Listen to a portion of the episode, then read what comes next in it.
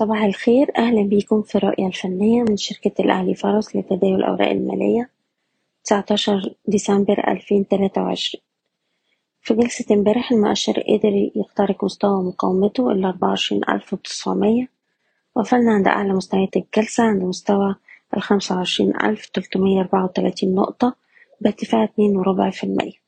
أحجام التداول امبارح كانت مرتفعة نسبيا. أداء جلسة امبارح بيعزز إمكانية استمرار محاولات الصعود للتجربة على مستوى المقاومة الرئيسي. ستة وعشرين ألف نقطة ودي آخر قمة سجلناها قبل التراجعات السابقة. من الناحية التانية أقرب مستوى دعم بقى عند الأربعة وعشرين ألف وسبعمية وده أقل مستوى اتسجل في آخر تلات جلسات أما مستوى الدعم التاني والأهم هو الأربعة وعشرين ألف نقطة وده مستوى حماية الأرباح على الأجل القصير. بننصح بالاحتفاظ ورفع مستويات حماية الأرباح لأقل مستويات اتسجلت في آخر جلستين حسب كل سهم على حدة وبالنسبة لل CIB قدر يحافظ على مستوى دعمه الخمسة وسبعين جنيه وامبارح شفنا ارتداد بأحجام تداول عالية.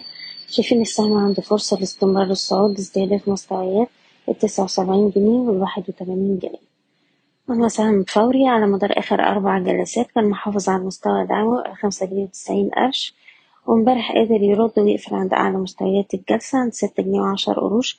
ونتوقع أن يستمر الصعود لمستويات الستة جنيه وتلاتين قرش وده مستوى مقاومة رئيسي.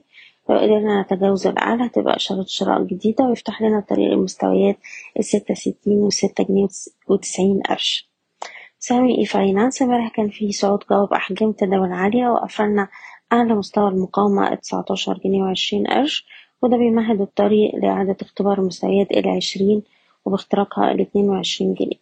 أما أقرب مستوى دعم هو التمنتاشر جنيه وسبعين قرش. أما سهم طلعت مصطفى فهو بيواجه دلوقتي مستوى مقاومة عند التلاتة وعشرين جنيه ونص. اختراق المستوى ده يفتح له الطريق للتجربة على خمسة وعشرين ونص ويلي مستوى السبعة وعشرين ونص. بننصح بالاحتفاظ طول ما إحنا محافظين على مستوى الدعم الاتنين وعشرين جنيه. سهم الشرقية للدخان. سهم عنده مقاومة عند التسعة وعشرين ونص تلاتين.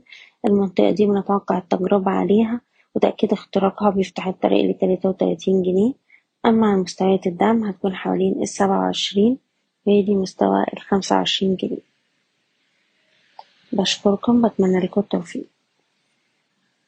إيضاح الشركة غير مسؤولة عن أي قرارات استثمارية تم اتخاذها بناء على هذا التسجيل.